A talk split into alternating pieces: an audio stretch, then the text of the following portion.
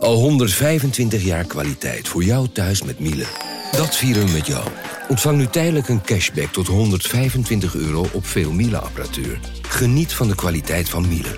Voor perfect verzorgd wasgoed en kleding die veel langer mooi blijft. Voor een stralend schone vaat, even perfect als jouw diners. En een stofvrij thuis waarin echt hygiënisch schoon de standaard is. Check miele.nl voor alle feestelijke aanbiedingen.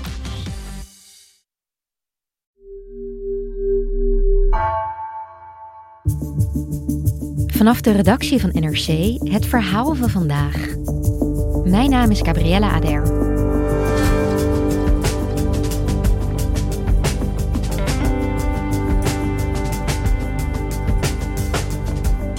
Het conflict in Gaza en Israël lijkt zich tot nu toe te beperken tot de eigen landsgrenzen. Maar de vlam is in de pan geslagen op het politieke wereldtoneel, ziet buitenlandredacteur Michel Keres. Wat hebben geopolitieke spelers in het Israël-Gaza-conflict te winnen of te verliezen?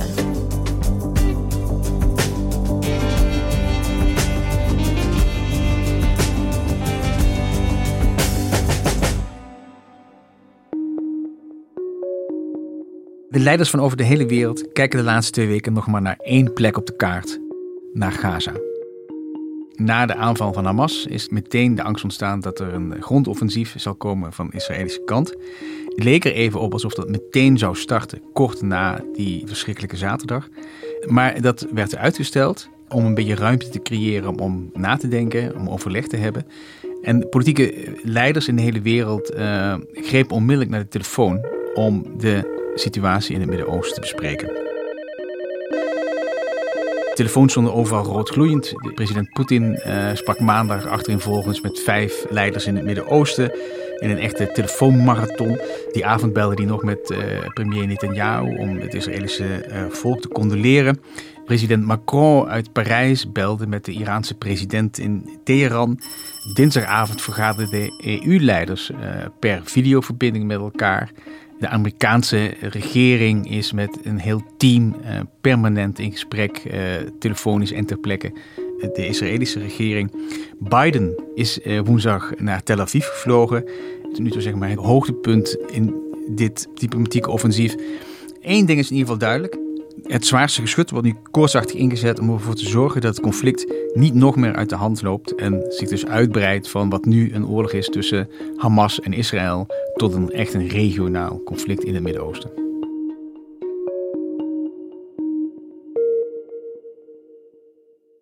Michel, waarom zet dit conflict de hele geopolitiek nou zo op scherp? Ja, eh, dat is natuurlijk een hele grote vraag die je daar stelt. Maar misschien moeten we heel klein beginnen in de regio zelf en dan het, uh, het probleem steeds groter maken door uit te zoomen vanuit de regio. Misschien moet je dat ook gewoon echt zo letterlijk doen. Hè? Neem even de Gazastrook in gedachten. En als je thuis bent kun je Google Maps erbij pakken. En dan zie je dat er steeds meer landen in je blikveld komen. En dan zien we ook welke belangen die verschillende landen uh, bij dit conflict hebben. Dus als je nu in Gaza begint, dan zie je al meteen dat Gaza ingesloten ligt door Israël. Dan, dan heb je al meteen de twee belangrijkste partijen van dit moment. Maar je ziet ook meteen dat Egypte in beeld komt, omdat Gaza aan de zuidkant uh, een kleine grens uh, met Egypte heeft. En dan heb je al meteen een belangrijke extra speler in het vizier. Egypte, dat nauw betrokken is als buurland van Gaza. En waarop heel veel druk wordt uitgeoefend om uh, de grens naar Gaza te openen. Nou, Egypte wil dat niet. The enclave's only border with Egypt is also shut for Palestinians. The Egyptian government is reported to be concerned that the Israeli assault will create something of a Palestinian exodus towards Egypt. Egypt's president says he will not allow refugees from Gaza into his country, adding that it would make the Sinai Peninsula a target for Israel. En wat doet Egypte dan wel? Ik bedoel, Probeert Egypte iets te doen? Nou ja, Egypte is permanent in gesprek met iedereen. Uh, traditioneel was het ook zo dat Egypte uh, wel sprak met Hamas. Heel veel uh, partijen spreken niet met Hamas omdat het een, terroristische organisatie is, bijvoorbeeld in de ogen van de Europese Unie. Mhm. Uh, en dan ging het vaak zo dat dan Egypte contact had met Hamas en dan Egypte sprak dan weer wel met Frankrijk, zodat Europa wel weer ook weer een beetje contact had uh, met Hamas. En ze werkte deze week in ieder geval aan het voorbereiden van een soort topconferentie over het conflict en over de regio. Dat zou dan aanstaande zaterdag moeten zijn in Cairo. Uh, maar mij is in ieder geval op dit moment, we spreken je nu op donderdagochtend, niet helemaal duidelijk of dat er nog van gaat komen. Ja, want wat zou het nut van zo'n conferentie zijn in Egypte? Nou ja, het, het nut van alle overleg en ook van zo'n conferentie is te voorkomen dat dit uitdijt tot een uh, groot internationaal uh, conflict. Want de angst bestaat dus dat de hele regio in dat conflict wordt meegezogen. En dan gaat het met name om de rol van Iran. Maar laten we eerst even nog iets verder uitzoomen op die kaart. Ten noorden uh, van Israël komt dan uh, Libanon in beeld. En in het zuiden van Libanon, daar heb je Hezbollah, is daar actief. Hezbollah is eigenlijk een soort is een politieke partij en een soort militante uh, beweging in één. De politieke tak die zit in het Libanese parlement. En de militaire tak heeft een heel indrukwekkend wapenarsenaal aan de grens met Israël staan. En zij zijn bij hun oprichting al heel erg geholpen door Iran. En dat was toen al het Iran van Ayatollah Khomeini.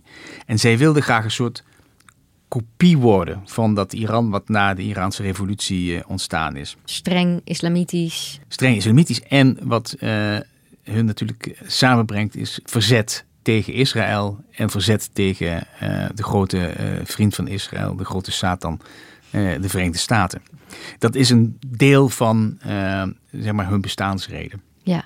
En uh, het gevaar is natuurlijk dat als Hezbollah uh, Hamas zou willen helpen, dan heeft, dan heeft Israël het probleem dat er een tweede front als het ware ontstaat. Hè, dat ze dus aan twee kanten van het land een probleem hebben. Maar dat heeft ook de consequentie dat Iran dan indirect in dit hele conflict betrokken raakt. En wellicht Hezbollah gaat steunen. Ja, precies. Want eigenlijk, eigenlijk Hezbollah is eigenlijk, voortdurend door Iran al gesteund. Dus dan, dan heb je die linkers er dan automatisch. En Iran heeft eigenlijk de afgelopen jaren een soort van, zij noemen het zelf de as van verzet gecreëerd. Dat zijn een aantal uh, militante groeperingen, Hamas, Hezbollah, maar er zijn ook nog kleine militante groeperingen in Syrië en Irak, die samen de as van verzet tegen Israël vormen met Iran. Dus als die hele club ook uh, zich hiermee gaat bemoeien, dan zie je dat je meteen een conflict hebt wat nu nog beperkt is tot een klein strookje land uh, in Israël, dan uitdijt heel snel naar Libanon, Irak, Syrië en dan tentakels krijgt naar Iran. Ja. En dan heb je dus ook het gelijk het hele Midden-Oosten te pakken. En dat is waar iedereen zo bang voor is. Ja. Nou goed, je hebt al een heel aantal landen genoemd, hè? De, direct omliggende landen van, uh, van Israël. Als we dan nog iets verder uitzoomen op deze wereldkaart, hè? hoe zit het met de andere grote uh, Midden-Oosterse landen? Nou ja, veel Arabische landen raken nu een beetje in de problemen, omdat hun bevolking zeer op de hand is van de Palestijnen. En dat zie je eigenlijk misschien het allerbeste aan uh, Saoedi-Arabië. Daar hebben we het nog niet heel uitgebreid over gehad. Uh, we moeten even terug in de tijd. Vroeger was het altijd zo dat uh, iedereen concentreerde zich altijd op het conflict tussen Israël en Palestina. Maar de afgelopen jaren, dat is begonnen onder Trump, heeft de VS geprobeerd om dat conflict maar even te laten voor wat het was, maar zich concentreert op een soort van verzoening tussen Israël en Arabische landen. We're here this afternoon to change the course of history. After decades of division and conflict, we mark the dawn of a new Middle East.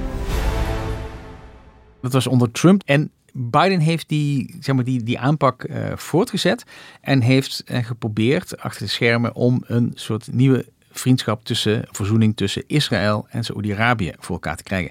En daar waren ze eigenlijk al heel ver mee.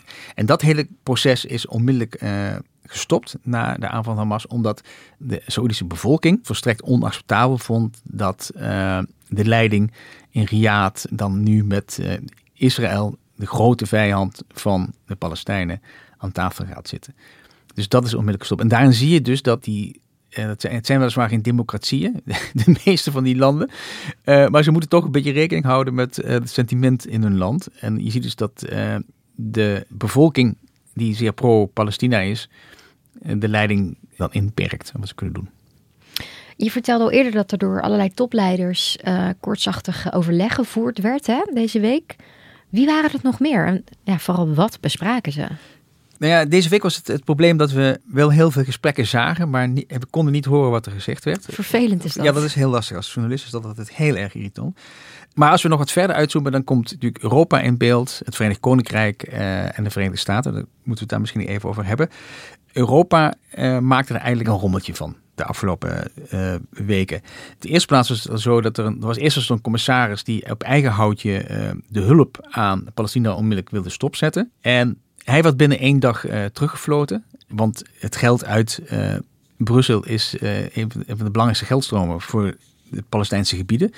Uh, het is ook vaak heel vaak humanitair, uh, humanitaire hulp. Dat wordt ook vaak niet direct uh, aan de Palestijnse autoriteit gegeven, maar gaat vaak via de VN. Nou, inmiddels heeft Europa trouwens het humanitaire deel van, de, van die hulp verdrievoudigd. Okay. dus dat was één hoop gedoe over geld.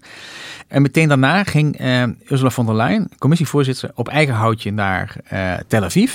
In the face of this unspeakable tragedy, there's only one possible response.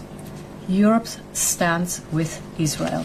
En daar waren veel uh, hoofdsteden in Europa het niet mee eens. En dat is ook wel begrijpelijk, want Europa is, zoals veel gemeenschappen, op dit punt heel erg verdeeld. Je hebt landen die zijn traditioneel wat meer op de hand van uh, de Palestijnen. Denk aan Frankrijk of Ierland. En je hebt landen zoals Nederland die in dat conflict heel sterk geneigd zijn om eerst de Israëlische kant te kiezen. En dat was nog niet eens goed besproken tussen de regeringsleiders. Maar goed, al met al is het dus zo dat de EU uh, een beetje een modderfiguur sloeg en ook eigenlijk de afgelopen twee weken uh, niet heel veel invloed had. Laten we nog iets verder uitzoomen. En dan zien we de VS. Biden noemde je al. Wat doet Biden nu? Nou ja, de Verenigde Staten zijn natuurlijk traditioneel uh, hebben een dubbelrol. Ze zijn de belangrijkste bondgenoot van Israël en ze zijn ook bemiddelaar altijd al geweest in het, Midden-Oosten. Uh, Biden was daar in eerste instantie als bondgenoot, als vriend, als soort beschermheer van Israël. Hij gaf een, een, hele persoonlijke toespraak waarin hij ook veel oog had voor rouwverwerking en heel duidelijk uh, steun uitsprak. I come to Israel with a single message. You're not alone. You are not alone. Maar hij zei ook, uh, let op, je woede is heel begrijpelijk, maar woede kan ook leiden tot foute beslissingen. En wees daar voorzichtig mee. En hij refereerde zelfs aan 9-11. Justice must be done. But I caution this while you feel that rage. Don't be consumed by it. After 9-11, we were enraged in the United States. While we sought justice and got justice, we also made mistakes. Kijk, iedereen zit te wachten op dat grondoffensief. Maar dat is uh, om meerdere redenen moeilijk, omdat het is militair gezien heel lastig, want je wordt dan gezogen in een zeg maar, gevecht van huis tot huis. En dat kan, uh, de Amerikanen hebben daar hele slechte ervaringen mee zelf. En de Amerikaanse militairen waarschuwen ook dat je daar niet zo 1, 2, 3 aan moet beginnen. Zeker niet met uh, heel veel reservisten die net zijn opgetrommeld in Israël, die daar helemaal niet goed genoeg in getraind zijn. Daarnaast is er het probleem, Israël moet ook nadenken van wat is dan het einddoel? Want dan, kijk, zij willen Hamas verslaan, uitroeien heeft uh, Netanyahu gezegd. Oké, maar Hamas is de baas in Gaza. Dus wat doe je dan met Gaza als daar geen leiding meer is? Uh, dan hebben we nog altijd het humanitaire probleem. Daar wonen heel veel mensen. Het is een heel smal stukje land. En Israël heeft nou tegen de mensen in het noorden van Gaza gezegd: maak dat je wegkomt, uh, ga naar het zuiden. Er wordt voortdurend gebombardeerd. Iedereen ziet natuurlijk daar de catastrofe voor zich als daar ook grootschalig grondoffensief gaat beginnen. Dus Biden waarschuwde als uh, vriend en bondgenoot uitdrukkelijk ook Israël om goed na te denken over de volgende stap. Zijn er nog andere dingen die de VS daar proberen te doen momenteel? Nou ja, ze probeerden dus ook direct ervoor te zorgen dat de situatie in Gaza onmiddellijk zou verbeteren door te proberen een humanitaire corridor voor elkaar te krijgen. Daar zit trouwens wel een beetje beweging in, mede dankzij Egypte, omdat Joe Biden tijdens zijn uh, bezoekje woensdag het eerst van Israël gedaan kreeg. Dat er hulpgoederen in mogen. En toen die inmiddels alweer in het vliegtuig terugzag van de Egyptische president Sisi ook toestemming kreeg om dat te organiseren. Dus humanitaire hulp zal in ieder geval mondjesmaat via die grens bij Rafah naar binnen kunnen. Daarnaast is de hele Amerikaanse diplomatie er ook op gericht natuurlijk om landen als Iran ervan te weerhouden om daarin te stappen. Biden zei toen hij in Tel Aviv was my message to any state or any other hostile actor thinking about attacking Israel remains the same as it was a week ago. Don't, don't, don't. Doe het niet, doe het niet, doe het niet. Dus uiteindelijk heeft Biden met zijn reis toch wel het een en ander voor elkaar gekregen. Hè? Nou ja, in ieder geval een, heel klein beetje. Als die humanitaire hulp nu inderdaad uh, binnenkomt, dat is alvast iets. Het beloofde eigenlijk een heel bijzonder bezoek te worden. Namelijk, hij wilde in eerste instantie uh, naar Tel Aviv gaan en dan doorvliegen naar Jordanië. Om dan ook uh, met de Arabische kant uh, te kunnen praten. Ja, want hij zou eigenlijk met de Palestijnse premier Abbas spreken. Hè? Ja, hij zou met de Jordaanse koning spreken, met de Palestijnse premier. En ik geloof dat president Sisi van Egypte daar ook bij aanwezig zou zijn. Maar goed, dat is er dus niet van gekomen, omdat met name Mahmoud Abbas meteen na uh, die ramp in dat ziekenhuis dinsdagavond zeggen, dat gaan, we, dat gaan we dus niet doen. En dan trouwens aan Abbas uh, reactie kun je ook zien hoe smal de marges op dat moment zijn. Er hoeft maar één iets te gebeuren, zoals het ziekenhuis. En uh, het is ook heel begrijpelijk dat hij niet meer aan tafel kon gaan zitten met de grote vriend van zijn belangrijkste vijand.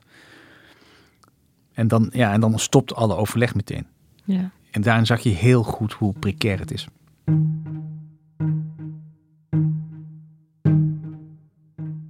Goed, de VS zijn niet de enige uh, geopolitieke spelers in deze wereld. Als we nog verder uitzoomen, dan zie je ook de grootmachten Rusland en uh, China op de kaart. Wat is hun rol? Spelen ze überhaupt een rol? Ja, en ze spelen zeker een rol. Beide doen zich sowieso graag gelden uh, op het internationale toneel. En voor Rusland geldt dat ze een enorm belang bij dit conflict hebben. Dit conflict is eigenlijk, uh, dat is heel cynisch, maar eigenlijk een godsgeschenk voor Poetin. Waarom? Omdat het afleidt van Oekraïne. Ah, ja. Twee weken geleden was iedereen in het Westen, in Washington, met één ding bezig internationaal. En dat was steun voor Oekraïne. Nu is in Washington iedereen bezig met een nieuw conflict met het Midden-Oosten. Dus afleiding van de aandacht is alvast gunstig. En het is een onderwerp dat het Westen snel uiteenspeelt. Daar hebben we het over gehad. Iedereen denkt daar anders over. En het is in Poetins belang om zoveel mogelijk onrust en frictie te veroorzaken in de westerse samenleving. Daar spint hij graag bij. Ja, en hoe zit het dan met die andere grootmacht, China?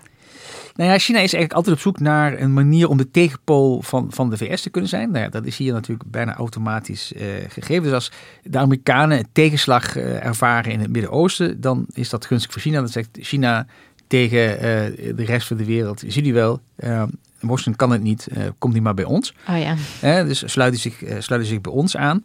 En uh, China is ook steeds duidelijker de afgelopen twee weken naar de Palestijnse kant van de zaak gaan hellen. Ze hebben Hamas uh, bijvoorbeeld ook niet uh, veroordeeld, nog steeds niet. Het was een beetje toeval deze week dat daar was in, in, Beijing een grote internationale conferentie belegd door Xi Jinping. En die ging over het beroemde Belt and Road Initiative. Dat is dat grote politieke infrastructuurproject van China. En daar was ook uh, president Poetin aanwezig. En je zag dus heel duidelijk dat daar zeg maar als het ware de, de tegenpool van de Verenigde Staten en van het Westen uh, aanwezig was. Het was natuurlijk ook opmerkelijk dat terwijl Biden een hele gewaagde reis naar het Midden-Oosten ondernam en zich daarbij natuurlijk gesteund weet de grote lijnen door Europa, dat Poetin die vrijwel nooit reist, uh, eregast was in Beijing. Het is niet helemaal duidelijk wat daar besproken is, maar duidelijk dat, het er, dat zij samen optrekken in dit conflict. Dat hebben ze alle twee wel heel duidelijk gemaakt. Dus je kon deze week daaraan heel goed zien hoe de twee grote politieke kampen in de wereld uh, tegenover elkaar staan. En zijn er dan nog andere landen die, ja, het is een beetje lullig om te zeggen, maar die baat hebben bij dit conflict?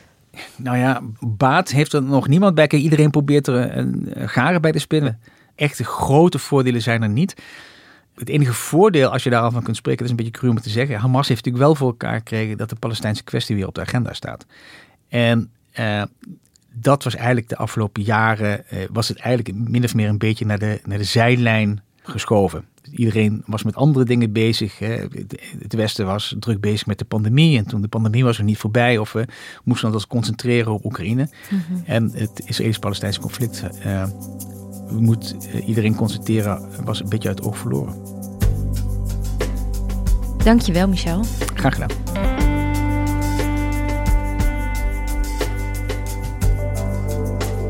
Je luisterde naar vandaag. Een podcast van NRC. Eén verhaal elke dag. Deze aflevering werd gemaakt door Julia Vier, Ignaas Schoot en Jan-Paul de Bond. Coördinatie Henk Ruigrok van de Werven. Dit was vandaag, maandag weer.